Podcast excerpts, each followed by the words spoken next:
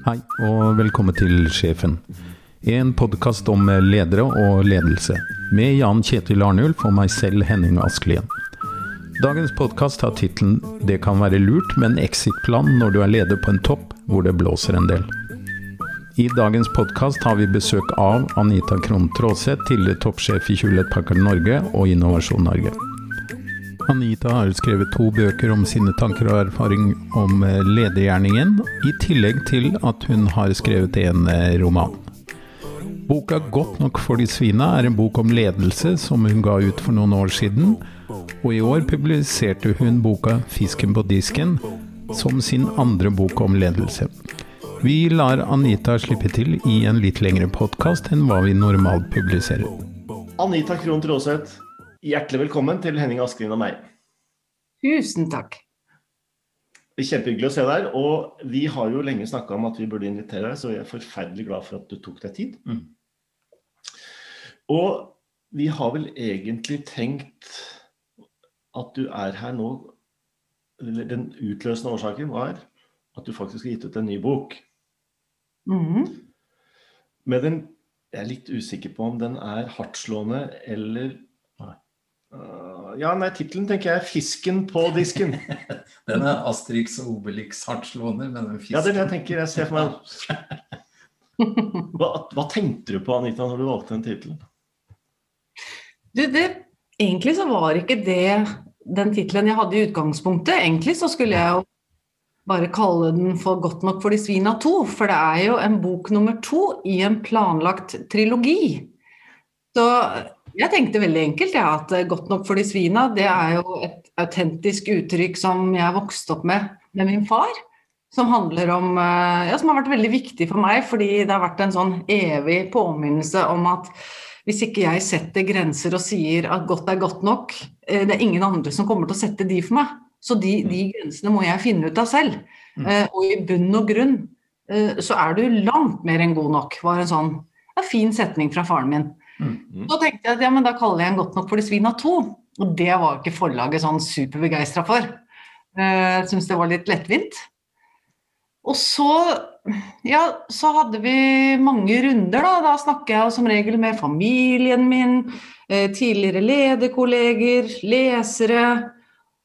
Og så tenkte jeg at det må jo i hvert fall være et uttrykk som er, eh, er noe som jeg kan Som ikke vi bare finner på pga. markedsføring, men det må, det må ha et fotfeste inni noe som er budskapet i boka.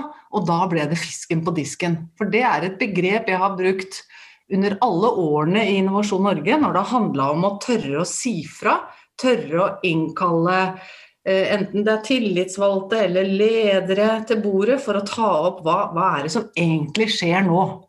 Nå må vi legge fisken på disken. Og det ufarliggjør litt, da, for da har vi bilde av en fisk, og så blir det litt humor, og så går vi inn i en litt sånn krevende dialog, rett og slett.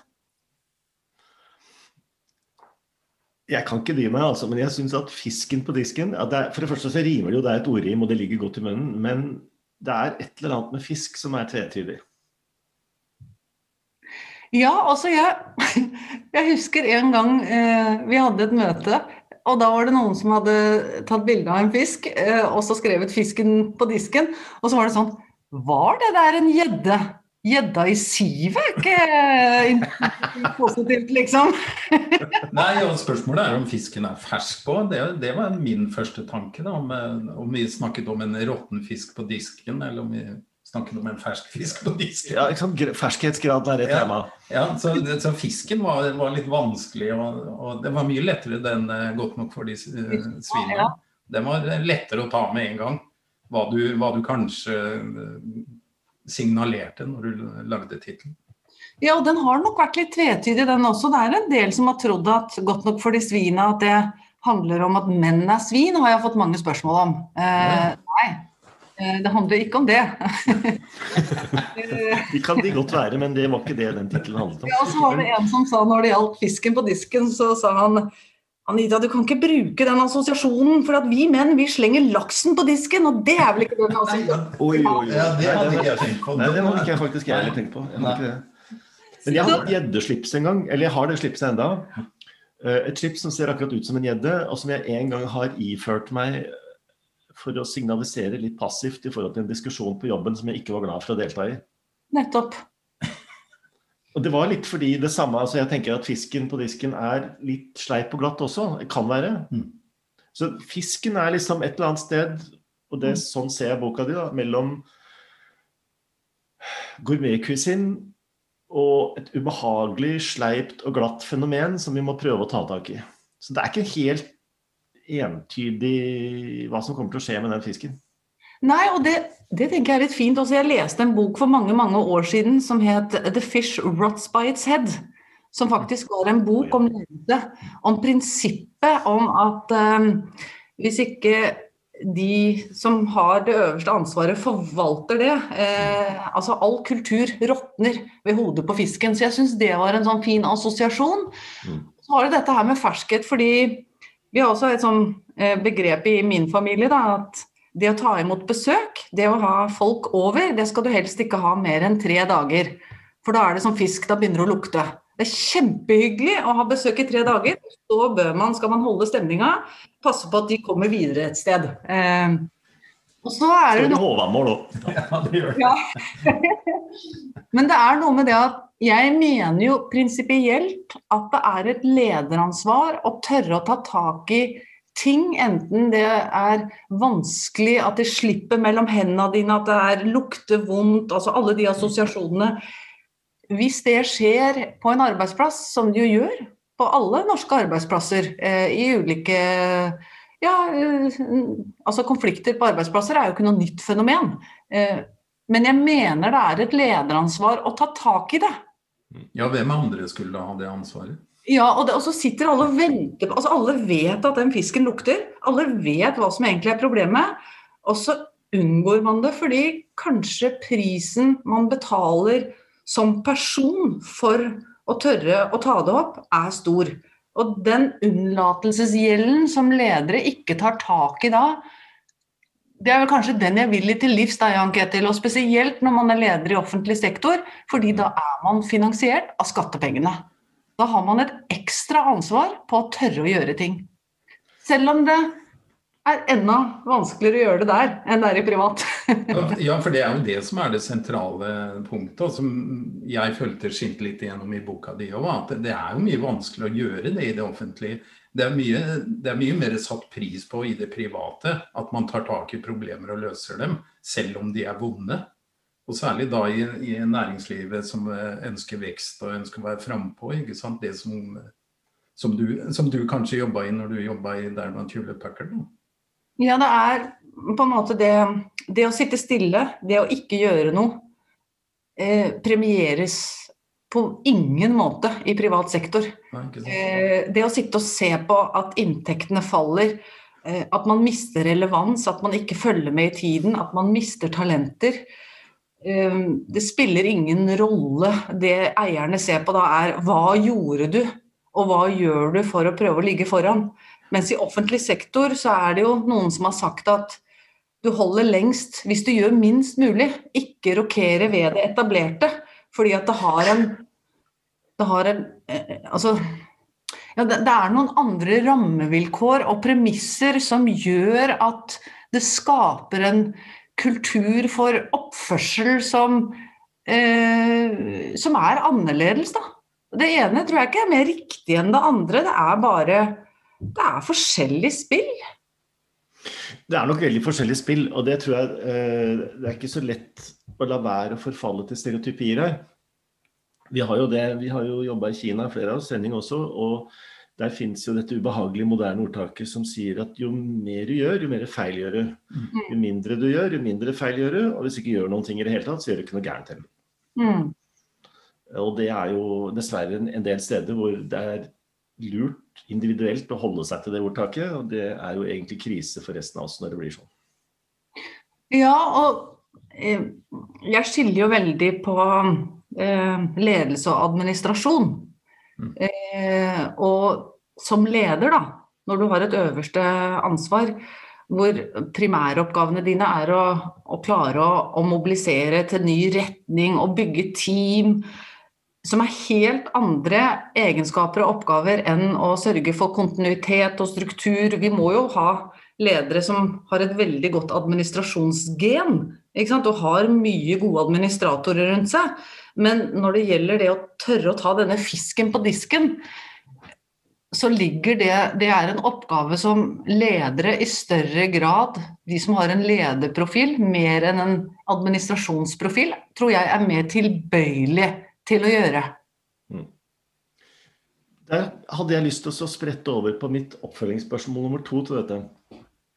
Eh, fordi at når du da skriver en bok som 'Fisken på disken', som jeg tenker i veldig positiv forstand er en bok om noe ubehagelig, eller verdien av å ta opp noe ubehagelig, da så tenker jeg at det skal mot til å gjøre det. Og så skal det formuleringsevne til å gjøre det. Og for noen år siden så husker jeg DN ringte til meg og så spurte de meg i forbindelse med den der 'Hva har du på nattbordet?'-spalten som de hadde. Så spurte de meg som professor, da, som jeg skulle vite det, må man lese bøker for å bli en god leder? Jeg veit ikke det, jeg kan ikke tenke meg at det gjør noe gærent, i hvert fall. Men jeg, pleier, jeg svarte den gangen at i hvert fall hvis du har tenkt å være en påvirker i samfunnet. Men da har jeg lyst til å kneppe det spørsmålet opp et hakk til deg, Anita, og spørre må man være forfatter for å være en god leder?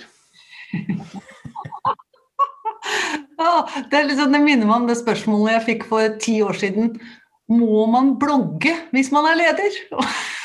For da var jo det så nytt. Jeg drev og blogga, og da var det sånn Skal alle ledere nå begynne å blogge? Hva er dette udyret av en utvikling?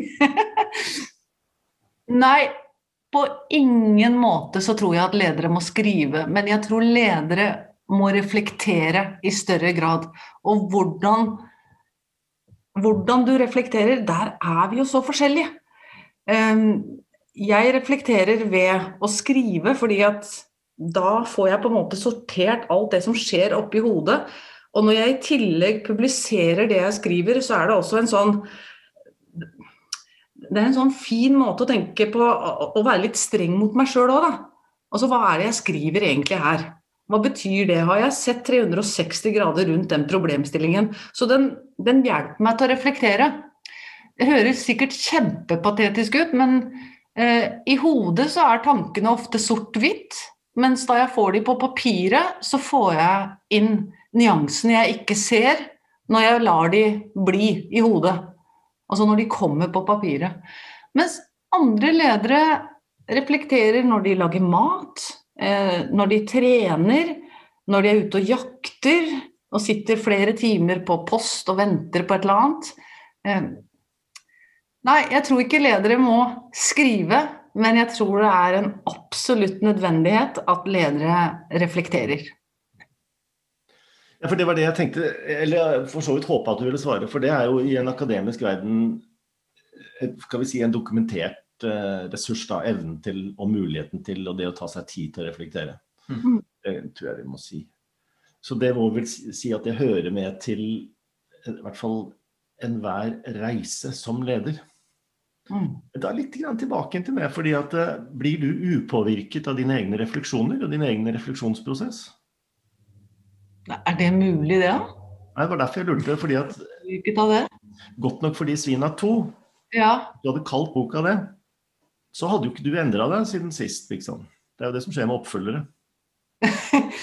ja, men, men, jeg har jo et litt uh, langsiktig prosjekt med disse bøkene. Um, og og det bare skjedde tilfeldig. Jeg har aldri hatt noen ambisjoner om å verken skrive bøker eller blogge eller gjøre noe som helst av dette her. Dette bare var ting som, som skjedde.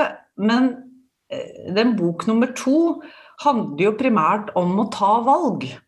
For man står hele tiden, eh, enten som privatperson eller som leder, overfor valg. Og som, som øverste leder så står du ikke alltid mellom gode og dårlige valg. Du står mellom dårlige og dårlige, og gode og gode.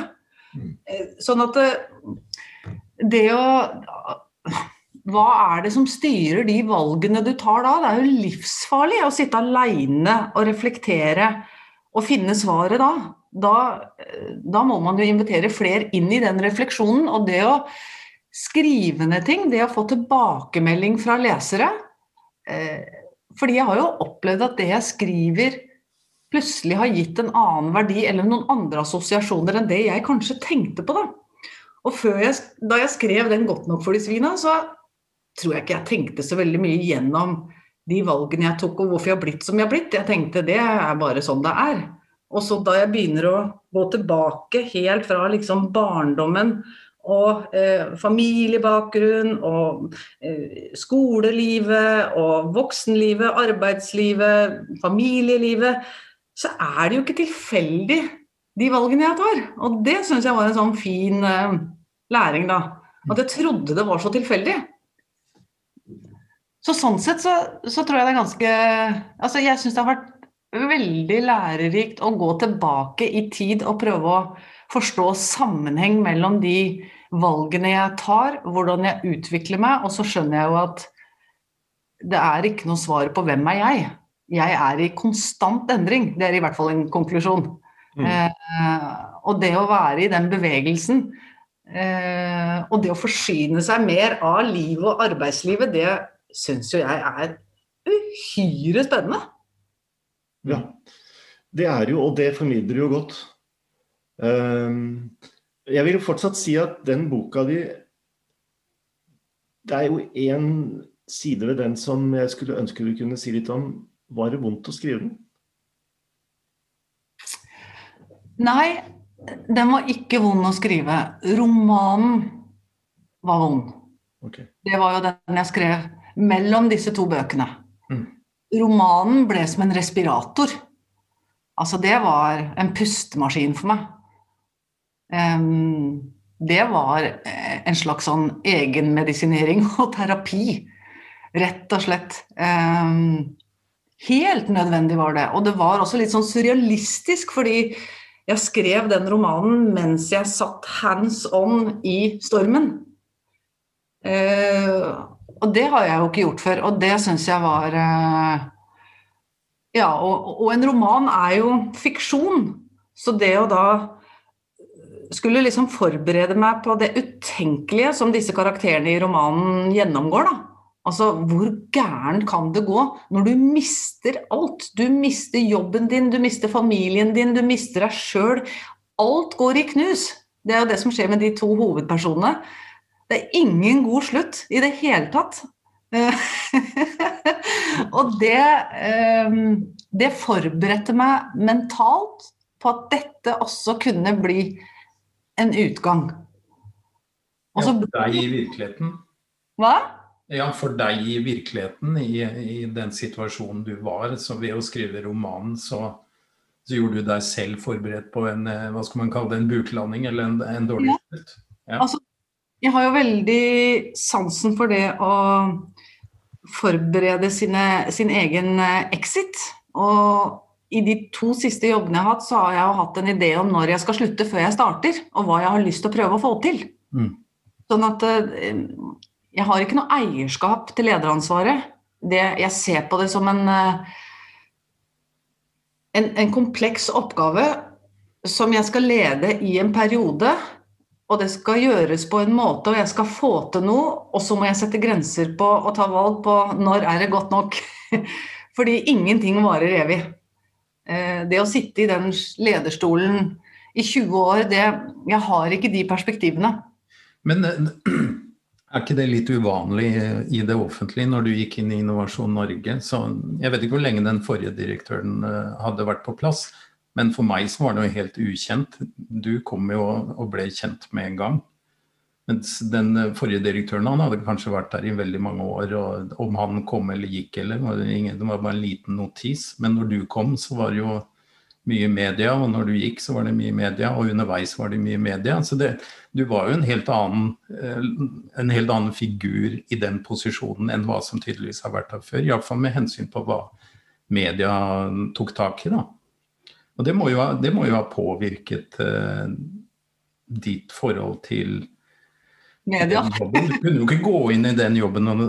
Jeg, jeg vil iallfall mistenke det. Sånn som jeg opplevde det ved å lese media, så opplevde jeg jo det at når du gikk inn i den jobben, så visste du at du ble enda mer synlig enn du var når du skrev blogg og når du var eh, direktør på Hewlett Packard. Det, det, må ha gjort noe? Ja, jeg, jeg var nok forberedt på at det at jeg hadde skriving som hobby, mm det kunne få konsekvenser i en sånn type rolle. Så styreleder og jeg, han som ansatte meg, hadde mange gode prater underveis i ansettelsesprosessen rundt hvordan vi skulle på en måte både forberede og håndtere det. Fordi det er jo ofte sånn at eiere ønsker seg en litt annen profil, som skal gå inn og gjøre en omstilling, spesielt endringsprosjekter. Og det jeg var veldig opptatt av, var Én ting er å ønske seg den profilen, men er dere klare for å ta imot den profilen? Ikke sant? Eh, eh, la oss nå snakke om alt som kan gå gærent her også, fordi jeg kommer til å trenge backing når det kommer spørsmål rundt ja, men hvorfor skriver du bøker, og skal du bruke tiden din på det, og, ikke sant? Det vil komme spørsmål. Um, så jeg fikk det inn, Henning, i arbeidskontrakten min, en egen paragraf i arbeidskontrakten hvor det står at jeg er forfatter og skribent og samfunnsengasjert. Vet, det hjalp jo selvfølgelig ikke noe særlig å ha det i kontrakten, men det var jo også en signaleffekt da, til de som ansatte meg, at ytringsfrihet er en verdi som er veldig viktig for meg. Og selv om jeg går inn i en offentlig stilling, så tenkte jeg mye på forhånd at jeg må ikke miste meg selv i den. Jeg må ikke bli så servil at de tingene jeg lærer og observerer, skal jeg ikke tørre å mene noe om, fordi at nå er jeg en del av en maktelite. Det tror jeg det tror jeg vil ødelegge en sånn personlighet som meg. da. Jeg tror ikke det er sunt. Så jeg var litt sånn på vakt for å finne ut av Og, og teste og feile litt, da. Eh, når er det godt nok, og når er det jeg må også lære kunsten å holde kjeft? Ja, spille og tute med ulven igjen. For du må jo det noen ganger uansett. Det må man ja, ja. i grunnen overalt. Men, alle må jo det, men, men det å, å, tenke seg litt om på mm. når, når, ting blir viktig, da. Når det handler om veldig mye mer enn den jobben din og, og, og, din egen CV, når det er viktig for selskapet, når, når det er på en måte samfunnstjenlig informasjon å ha, eh, ja, da må jeg gå flere runder før jeg bestemmer meg da for at ja, men dette her, dette her skal jeg ikke si noe om. En annen ting er at hvis Det er jo også mange som skriver om sånne erfaringer gjerne 20 år etterpå de har vært leder. Så er det tidligere politikere som enten klager over en eller annen statsminister som ikke ga de støtte, eller så tenker jeg du må jo utøve makt når du har makt. Du kan jo ikke komme etterpå 20 år og si at det var feil premisser og stakkars meg. Du må jo fikse det mens du kan, og du kan gjøre det når du har makt. Nettopp. Og jeg, jeg, jeg ville litt dit, jeg da. Som du ser, så har jeg delt med deg en um, graf på skjermen. Dette er et forskningsarbeid, da. Lytterne våre de kan bare imaginært eh, vurdere det. Lytterne våre kan imaginært forestille seg det. Men det jeg kan si den forestiller, er antall lederoppsigelser som har vært omtalt i norsk presse siden slutten av andre verdenskrig og fram til 2020.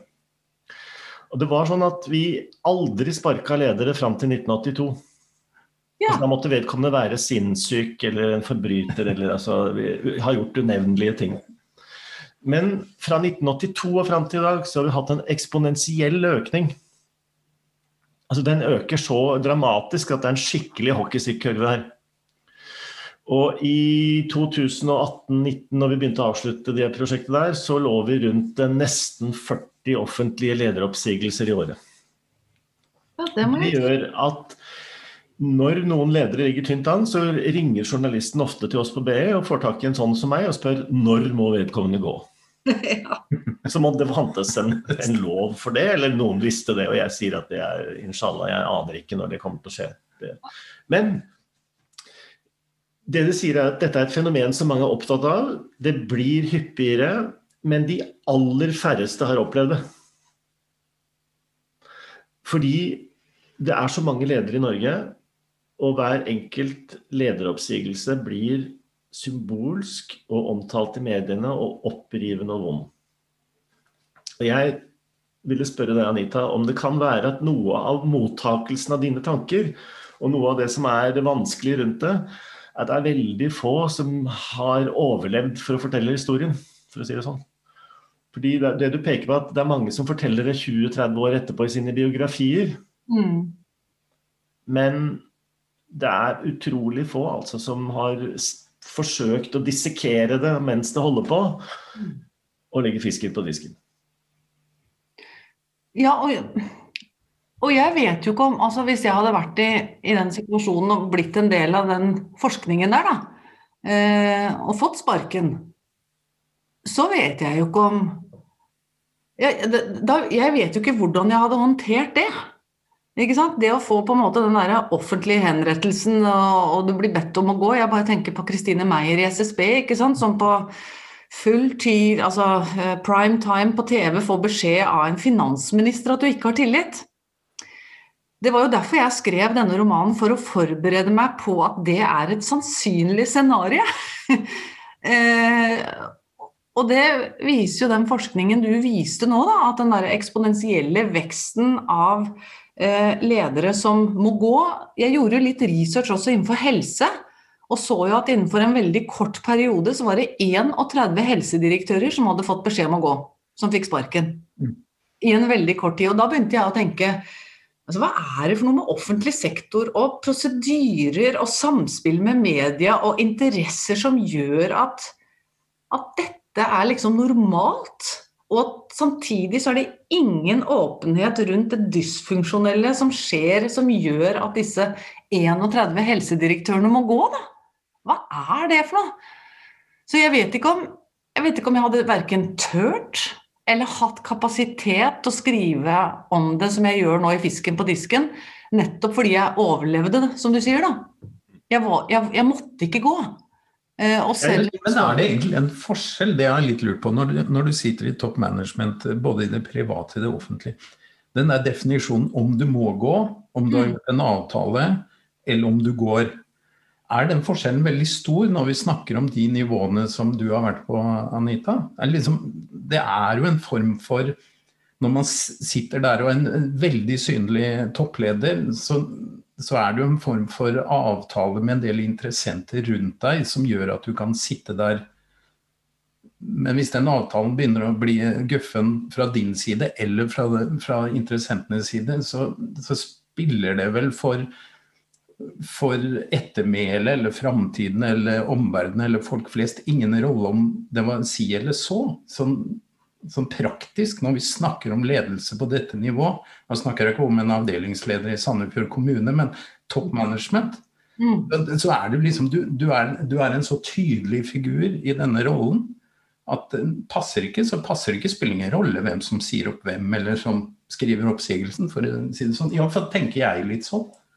At det, det, bryr meg ikke så veldig mye, sånn som hun Meyer, at hun fikk eh, på en måte oppsigelse med med hele det historieløpet vi da kunne lese om i, i, i Dagens Næringsliv og i media generelt, så var det liksom hvem som har skylda her? Ja, det er det ingen som vet. ikke sånn, Hvem har gjort en dårlig jobb? Det er jo ingen som egentlig vet det, bare fordi det blir skrevet mye om det. Altså, jeg, jeg vet ikke, jeg kan jo ikke uttale meg på en måte på vegne av alle ledere som har opplevd dette. Jeg tror disse erfaringene er like individuelle som det er saker.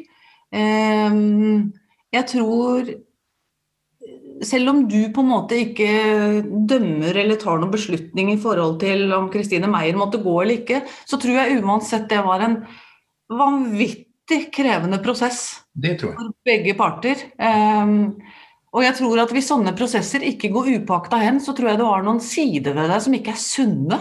Ikke? Uh, og det er det jeg mener med at man må passe på å ikke miste seg sjøl. At du blir så tatt av det maktspillet at du bare whatever, liksom.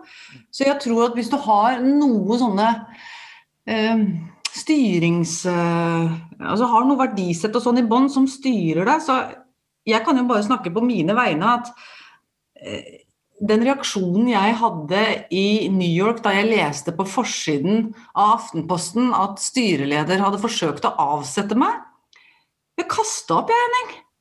Jeg syns det er grusomt. Altså, det det syns jeg var så tungt å lese, og jeg tenkte hva, hva er dette her for noe? Jeg hadde blitt uh, forbanna. Altså, jeg, blitt, jeg, er helt enig i at det, det fins jo finnes, jeg, jeg, prøvde ikke å sette noe, så noe tvil om at her, fin, her, eksploderer følelser når man føler seg på en måte dårlig behandla, og, og, kommunikasjonen ikke foregår på den måten man skal være. Det, det kan jeg godt identifisere meg med. Men, men jeg, jeg, ser liksom toppledelse som en risikosport da, i mm. seg selv. Og, og, derfor skjer disse tingene stadig vekk, eh, være seg det rettmessig eller ikke, eller hvem. Ikke sant? Det, det, er jo det som er veldig det er veldig vanskelig når du leser veldig mange artikler om den samme topplederen i Dagens Næringsliv. Så et eller annet sted der så fins det noe. Men det tror jeg du har veldig rett i. Og så tror jeg det er sånn at litt den grafen som, eh, som Jan Ketil viste, da, at det er en slags dramaturgi. og Den, den dramaturgien beskriver jeg også i boken. At eh, når det kommer støy, ikke sant? og så ringer man eksperter, og så kommer dette spørsmålet. ikke sant? Bør vedkommende gå eller ikke? Og når det spørsmålet eh, kommer, så har man jo kommet ganske langt ikke sant? i den dramaturgien. Eh, og det skjer jo oftere nå, også fordi at det å innkassere Scoop-priser, de henger jo høyest de hvor en eller annen statsråd må gå. Hvis man kan finne feil på en statsråd, så er jo det nesten Ja. Eh, og, det var jo også tilfellet i Innovasjon Norge, da, hvor styrelederen én ting var at han mente noe om meg, men han gikk jo direkte ut mot statsråden. Ikke sant? Og plasserte det rett inn i komiteer og Stortingets spørretime og departementer. og og jeg forstår at mediene reagerer på det. Jeg tenker altså Hvis man ikke skriver om det, for det er jo veldig unormalt i norsk sammenheng. Eh, at en styreleder agerer på den måten. Og det kan man jo også si hvor mye har blitt diskutert rundt et styreleders ansvar i, i sånne situasjoner, ikke sant? Jeg har, å, jeg har lyst til å ta den et knepp opp jeg, og så knytte det tilbake til eh, forfatterskapet ditt, Anita. Fordi den figuren som jeg snakka om, den forskningen som jeg viste, den bruker vi nå til et prosjekt hvor vi sier at det som foregår, er en form for eh, symbolsk menneskeofring. Intet mindre. Eh, og det er fordi at de, i de prosessene som Henning snakker om, altså som er sånn samfunnet på høyt nivå, hvor mange ganske kraftige interesser møtes, og hvor det er vanskelig å finne et logisk, renskåret, kalkulerende svar, så Eh, har jeg i en artikkel som jeg holder på å skrive nå sammen med Jannik Rasmussen, som har vært i vår pod før, vi tenker at det kan være noe her som handler om gammel, klassisk menneskeofring, hvor det skal være grusomt. Fordi det grusomme tar med seg det symbolske nivået av å sette ned et spyd og si ikke sant, her bestemmer jeg, denne storyen bestemmer vi. Så det er, en, det er en ganske grusom måte å gå inn og skape oppmerksomhet rundt hvem som eier historiefortellingen. Ja, og der, der tror jeg at nå, nå, sa du et veldig viktig poeng, fordi at uh, i maktkamper eh, så er det ikke klare svar. Ikke sant? Man vil jo gjerne skrive i avisen at ja, men den gjorde det, og da skjedde det, og da kan vi dømme sånn. Og det er jo det som er hele poenget med disse maktkampene. Ikke sant? Det er jo det skjulte spillet, og så er det kampen om narrativen. Ikke sant? Det er, jo, um, det er jo det vi ser. Og der tror jeg altså du hadde et veldig godt poeng, Henning. At uh, en del ledere som får sparken, de sier ikke at de har fått sparken. Nei.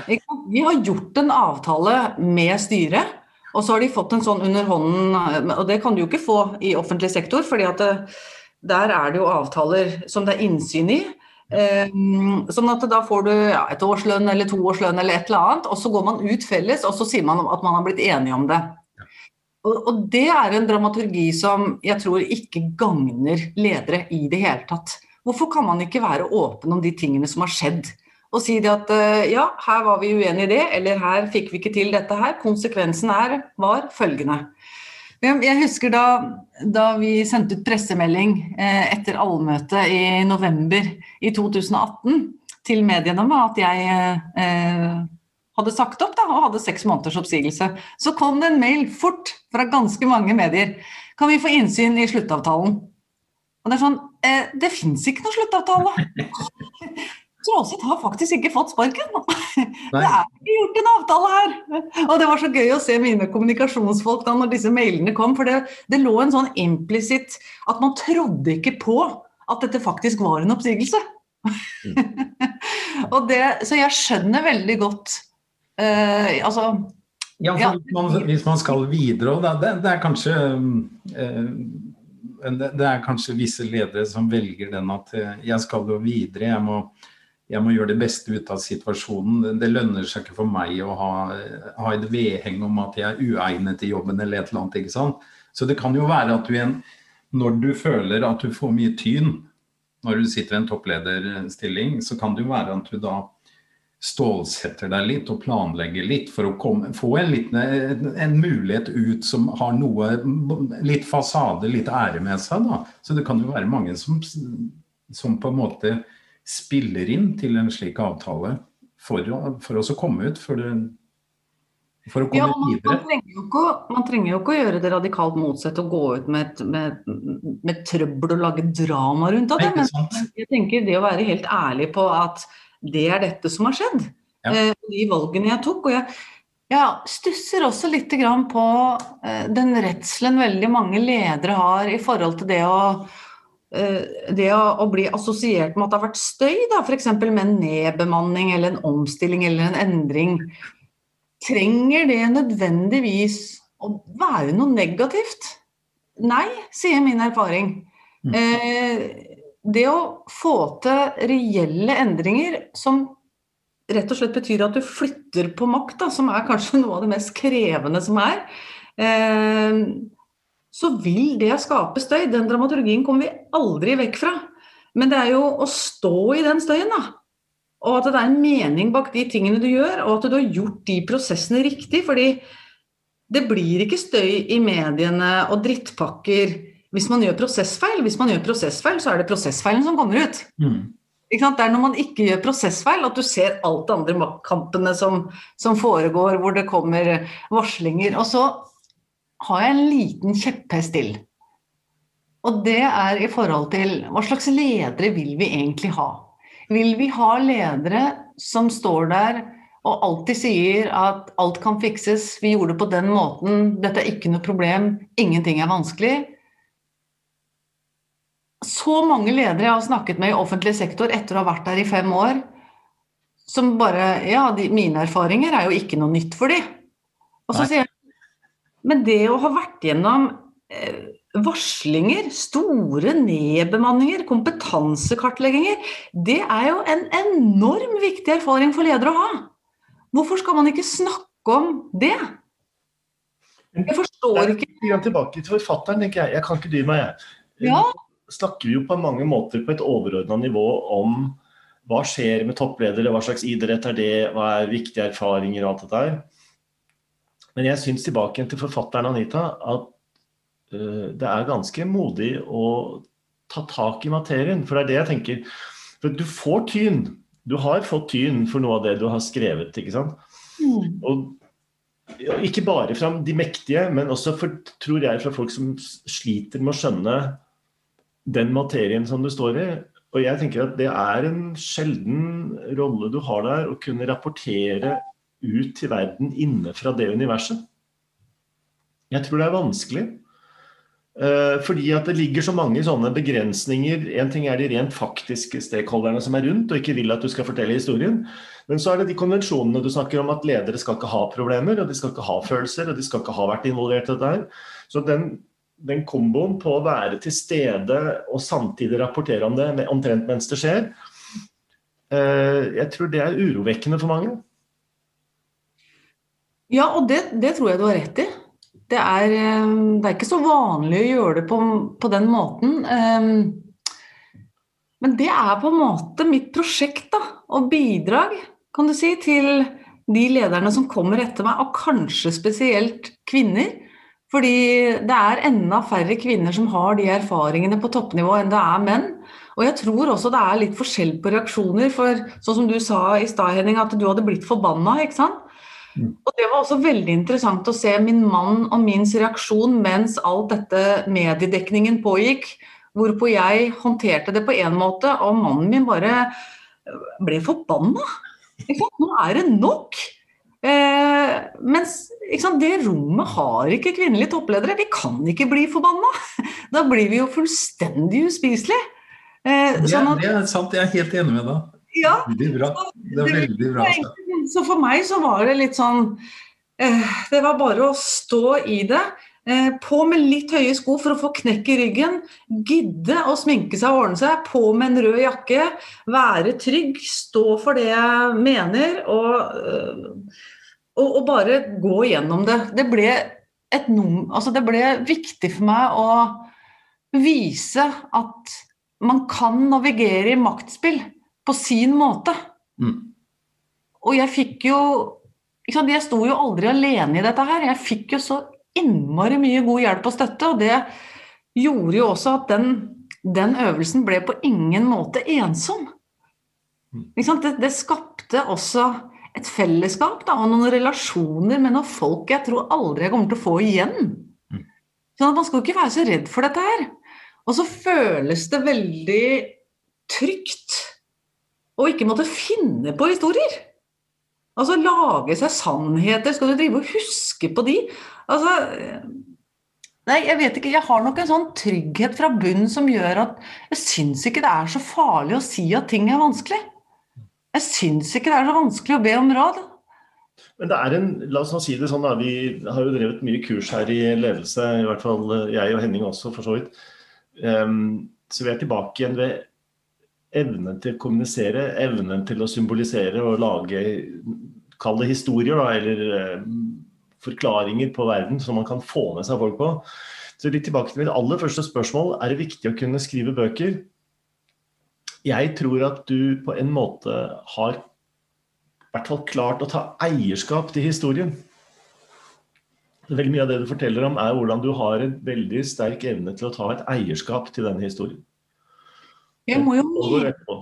Ikke sant? Det må være på ekte. Eh, så hvis jeg hadde Jeg hadde jo noen faser da jeg skrev hvor, eh, hvor jeg fikk noen tilbakemeldinger. fordi måten jeg skriver bøker på, er at jeg veldig tidlig involverer ulike mm, forskjellige mennesker med forskjellig bakgrunn for å gi tilbakemelding. Eh, Og jeg er ikke redd for at jeg kan jo bli litt flau av og til og tenke å herregud, har han lest det crappet her, liksom. Men, men verdi, jeg veier av da, og sier at verdien er så mye større når jeg får tilbakemeldinger.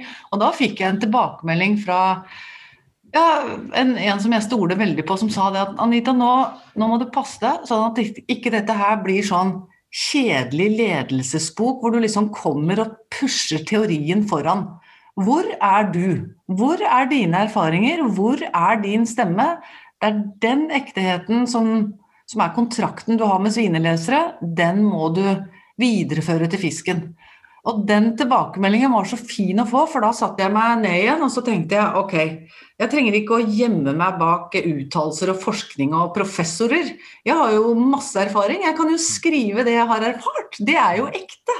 Og så, hvis det er utgangspunktet, så putter jeg det opp med teori. Mm. Så han minte meg på det, da, at jeg ikke måtte bli sånn for redd Nei, nettopp. for å snakke om erfaringene mine, selv om de på ingen måter er representative for alle ledere. På ingen måte. Nei, men det er eh, helt legitimt å fortelle sin egen historie. Og jeg tror du er et eksempel på at det er, eh, det er viktig å klare å gjøre den jobben. For hvis ikke så blir man jo et offer for de andres evaluering. Ja. Men Anita, kan vi ta dette et skritt ut til siden? Ja. Fordi en av grunnene til dette er boka di er liksom dobbelt interessant. Én ting er dine subjektive erfaringer og din beskrivelse av det. Men det er jo en i særklasse historisk posisjon du har sittet i. Fordi Norge var i en situasjon, eller fortsatt er i en situasjon, hvor vi skal liksom ha et grønt skifte, eller vi skal altså ikke være så oljeavhengig, og vi skal drive med entreprenørskap og så videre sånn. Og veldig mye av statens optimisme den har jo vært rutet igjennom sånne ting som Innovasjon Norge. Så på en måte så kan du si at du har jo da vært sittet på en av de designerte hovedutkikkspostene for om vi holder på å få det til. Det syns jeg gjør den eh, historien din spesielt pikant og interessant, egentlig.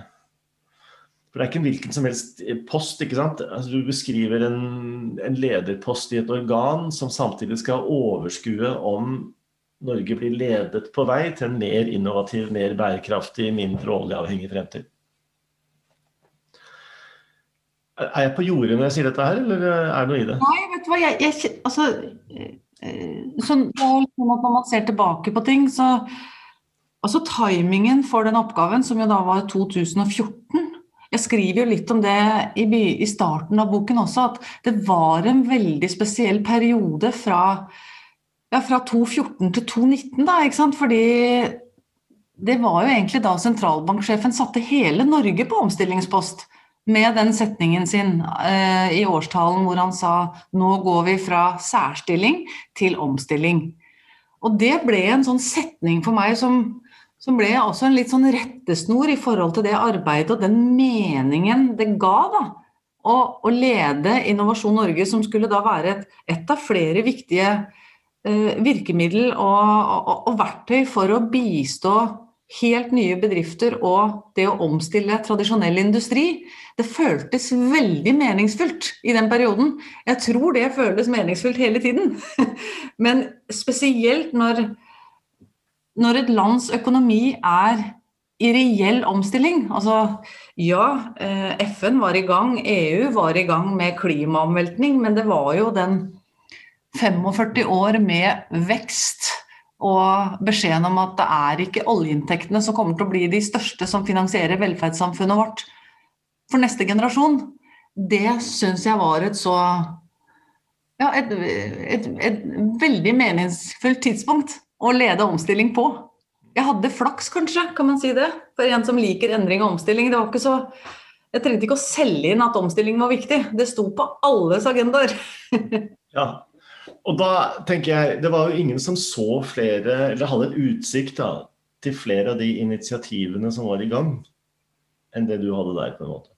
Nei, det var altså Det å lede Innovasjon Norge er som å, å være på en sånn gedigen dannelsesreise hvor du får innsikt i alt som skapes på steder du aldri har hørt om, med, eh, altså over hele landet, pluss i 30 land.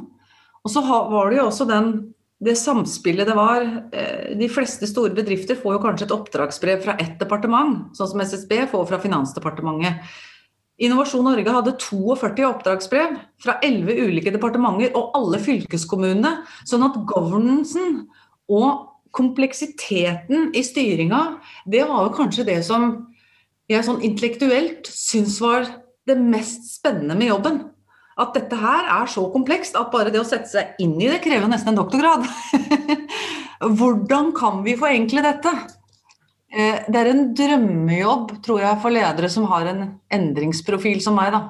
Å få lov til å se på det og kaste ballene litt opp i lufta. og Involvere brukere og kunder. Og vi åpna jo opp lederrommene. Det var jo også, ble også sett på som veldig merkelig. ikke sant? Vi inviterte jo inn stemmer som var så negative, og som mente at Innovasjon Norge burde legges ned.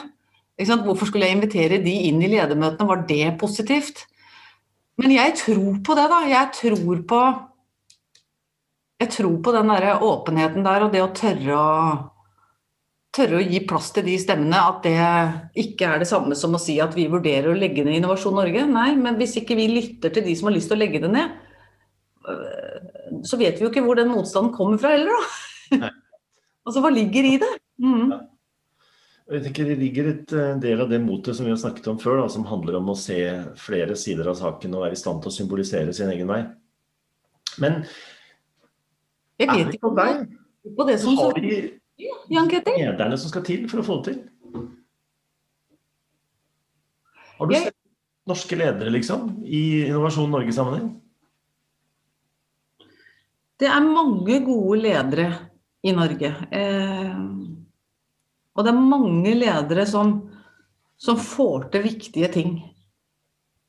Men jeg tror vi, fordi vi er i omstilling, så tror jeg at tilbøyeligheten til å lene seg litt mer på administrasjon, eh, fordi det er tryggere, fordi det handler om KPI-er og, og, ting som er lett å anerkjennes for, eh, så tror jeg vi har et potensial for at flere utøver det som handler om ledelse. Det som handler om eh, å ta de litt større grepene som også flytter på makt. Som, som, også er de som koster mest. Det å tørre å si at Altså i 2018, det å bare si det at vi ikke skal leve av oljen framover, ble, ble man jo halshøgd. Det har jo skjedd mye positivt siden det. I 2021 kan man jo si det.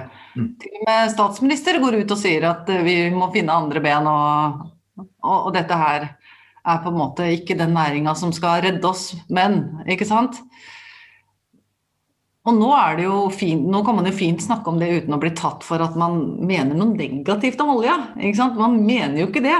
Eh, men når du sitter på innsikt som viser at dette her kommer ikke til å være framtiden, da mener jeg du har en sånn handlingsplikt da, til å si ifra. Og så kanskje ja, prøve å lage noen scenarioer da, for å se hvilke alternative løsninger kan vi ha. Og jo mer tverrfaglige de scenarioene er, jo mer spennende løsninger får vi. Og en av de som jeg på en måte virkelig hadde stor glede av å jobbe med i Innovasjon Norge, var en idéhistoriker. Um, som leder eh, forskningspolitikk nå.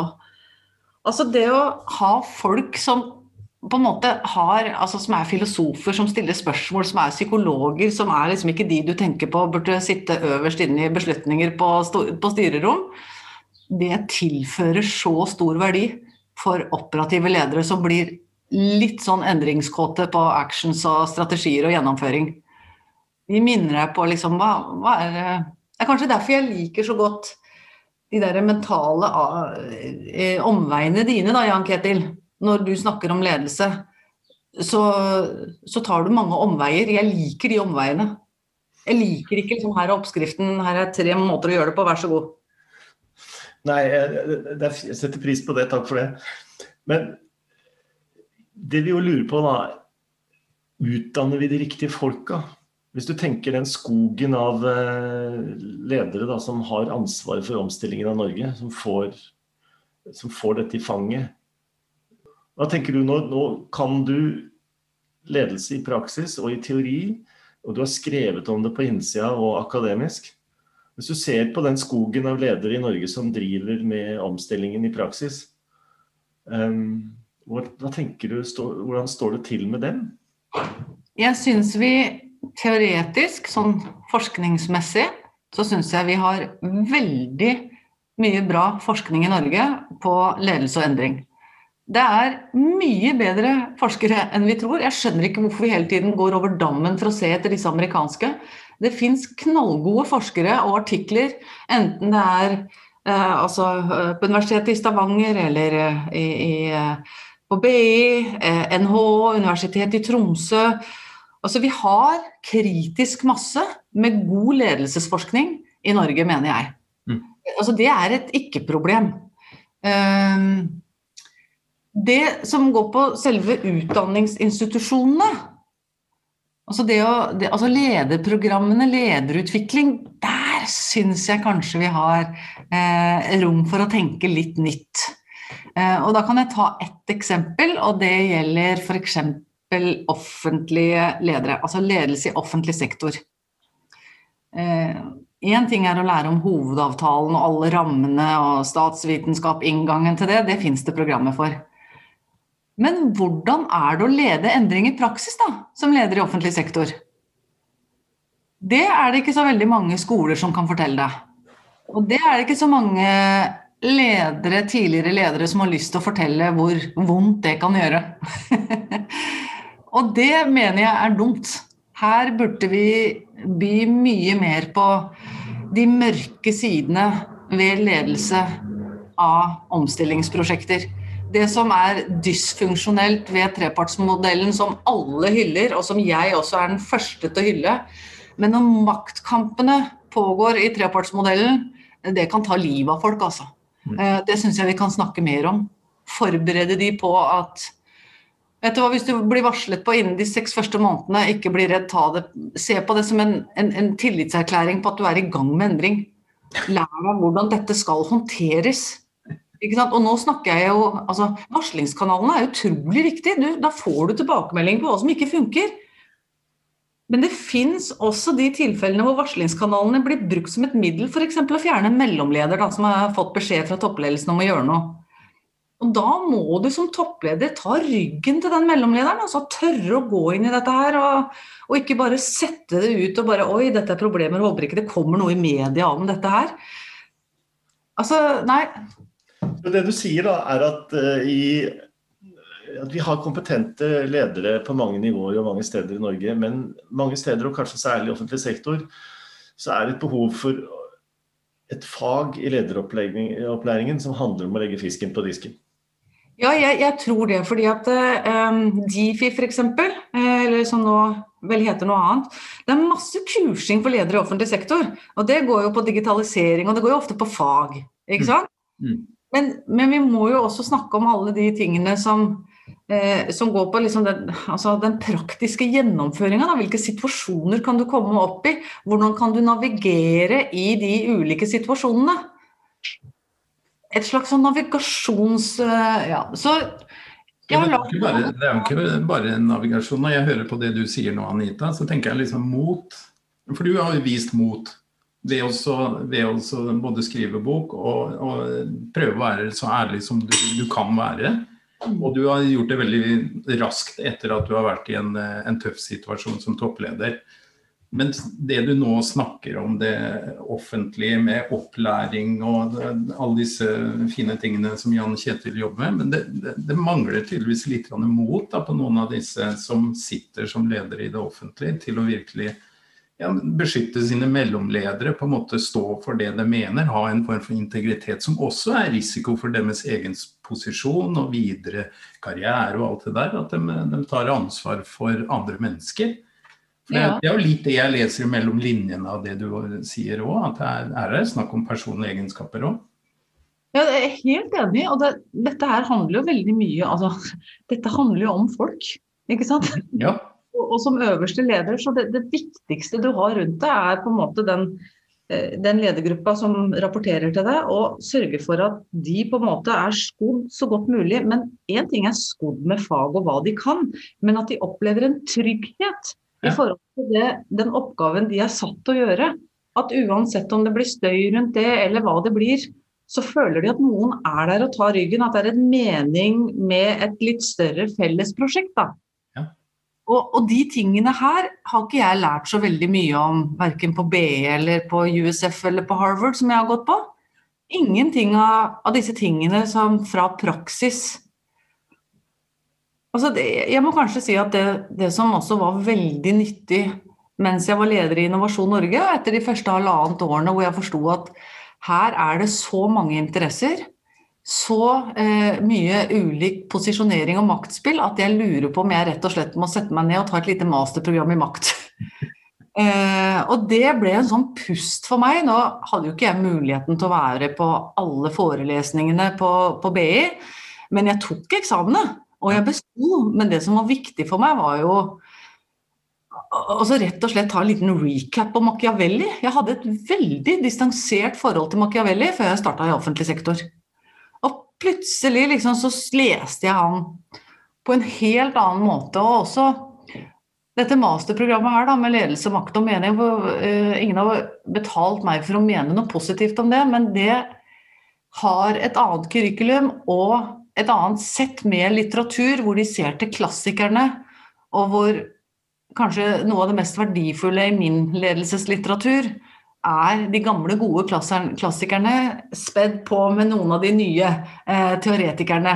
Eh, og det var, ja, det var fint å sitte og reflektere rundt makt mens jeg sto og fikk juling sjøl, liksom. Det var eh, Ja, det var godt. Ja, det, har vært, det er mange fag som er sånn at uh, studenten på et eller annet tidspunkt reiser seg og sier plutselig nå skjønner jeg hva dette egentlig dreide seg om. Nei, det var feil. Ja, har vært, der har jeg vært mange ganger. Jeg skal ikke le av andre, jeg. Altså. Der har jeg vært mange ganger òg. Ja, men det er det jeg mener. Altså, det, er, det, er, masse bra utdannelse i Norge, men, men, øh, men jeg syns den, den, praktiske Hvis vi kunne kombinert litt mer alle de gode teoriene og forskerne vi har på ledelse, mye større grad mot de operative lederne som har erfaring, og kunne laga et litt sånn nytenkende kurrikulum på det, det tror jeg hadde blitt etterspurt. Altså. Rett og slett litt rake pucker. Forberede folk på at dette her Hvordan lager du din egen exit? Mm. Hvordan øh, når, fordi at Hadde jeg ikke gjort det, så vet jeg ikke om jeg hadde klart å stå i den lederoppgaven i de nesten fem årene jeg sto i den. Mm. Det var fordi jeg på forhånd hadde en plan om hva som var prosjektet og hva vi skulle oppnå. Sånn at det vi møtte av stormer underveis, det bare minte meg på at én, dette er viktig, to, jeg skal ikke gi meg ennå. Vi er ikke ferdig. vi er ikke ferdige ennå. Eh, og nummer tre, du skal i hvert fall ikke gå når det blåser. Er det noen som trenger deg da, er det jo de som har vært lojale mot deg og jobba mot dette prosjektet, og så skal du stikke av fordi det blir litt vanskelig med litt personlig omdømme eh, som du ikke liker. Nei, det er for pingler. Det er sant. Vi snakker snakka akkurat om mot. Ja, det er helt riktig. Ja. Men det er, det er kanskje mange som mangler akkurat det motet. Man blir Lederposisjonene er kanskje større enn man selv er som person. Altså man rett og slett man blir lederen, man blir ledertittelen, og man tenker bare framover og oppover. Man tenker ikke at som du gjorde, da, at jeg bør kanskje planlegge en liten exit her for å overleve og, og ha et liv som er godt for meg og mine. Mm. Det, det er nok mange da som tror at dette bare fortsetter oppover for meg. Nå har jeg fått den jobben, og så skal jeg den jobben, og så skal jeg klatre et steg til, og til slutt så er jeg kongen på haugen, på en måte. Ja, og det er, jo, det er jo forskjellige motivasjoner for å ta på seg disse lederansvarene. Og- når dere sier modig, så, så føler ikke jeg at jeg er veldig modig. Nei, men det der er subjektivt og litt rart. Men er ikke det Altså, typisk for de som er modige? Nei, vi skal ikke gå tilbake til en gammel Jo, for det er akkurat det.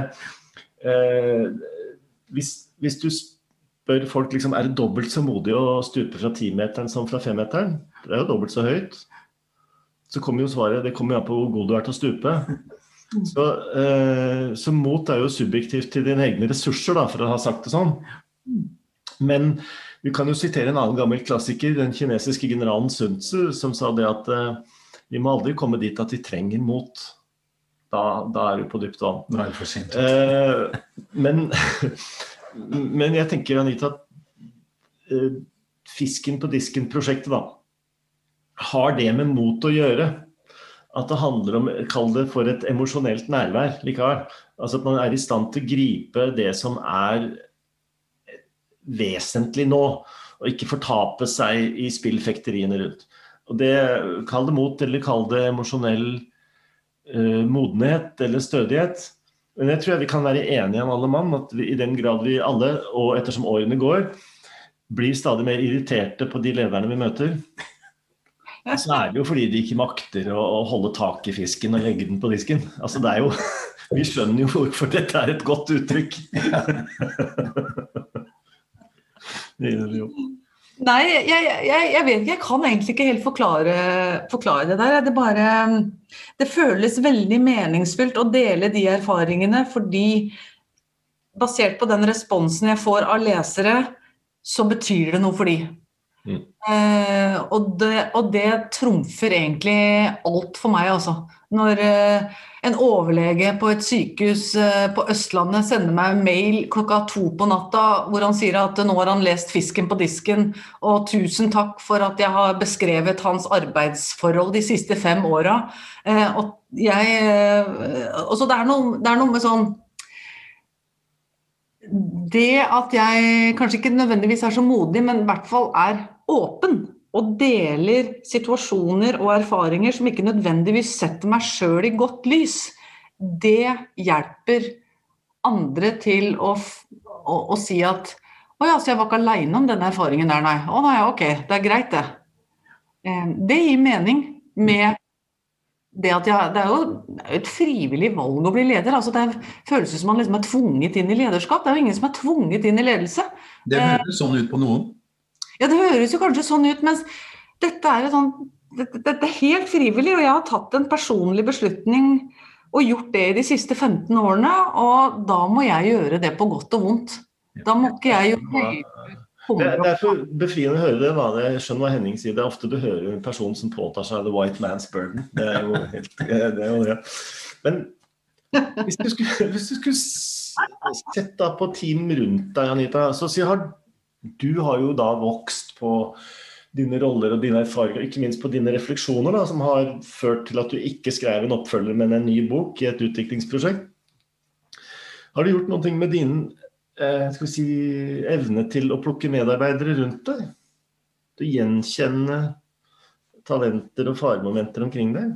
Mm. Altså, det er vel da sannsynligvis eh, eh, ledergruppa mi den beste til å mene noe om, men jeg kan jo ha noen meninger om det sjøl. Eh, og jeg tror Nå er jeg jo straks 50 og har jo gjort dette i mange år. Og jeg ser jo at eh, Jeg syns det er innmari gøy å følge de lederne jeg har jobba med som, ja, som blir både utfordra og som blomstrer i sine oppgaver, men som også får lyst til å ta lederansvar. Og det gjør de da på et mer realistisk grunnlag, for de vet jo også, har jo stått vi har jo stått tett sammen, de vet hva dette her innebærer, også av blås når du står for noe. Men allikevel så vil de ha ansvaret og søker seg til nye oppgaver, og jeg er referanse for de, og det syns jeg Det er kanskje den største kreden jeg kan få, det er at de har lyst til å ta på seg mer ansvar. Da. For vi trenger jo folk som vil ta på seg ansvar. Vi gjør det.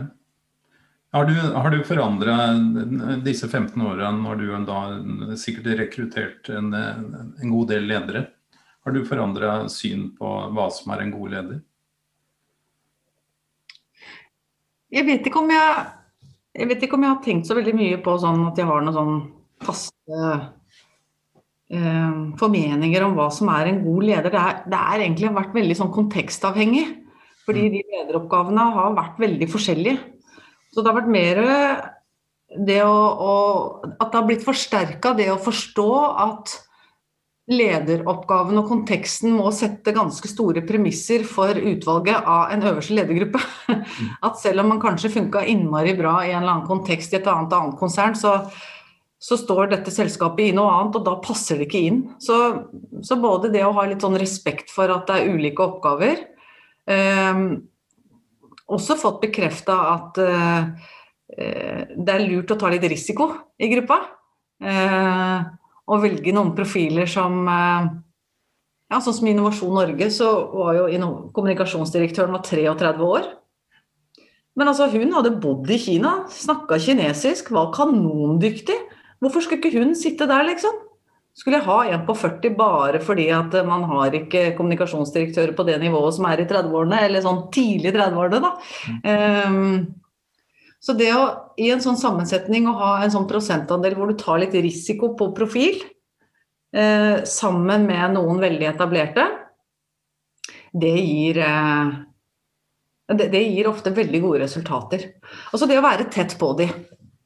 Rett og slett ikke tro at, eh, at, de skal ledes som en gruppe, men de skal ledes én og én. Og de er veldig forskjellige.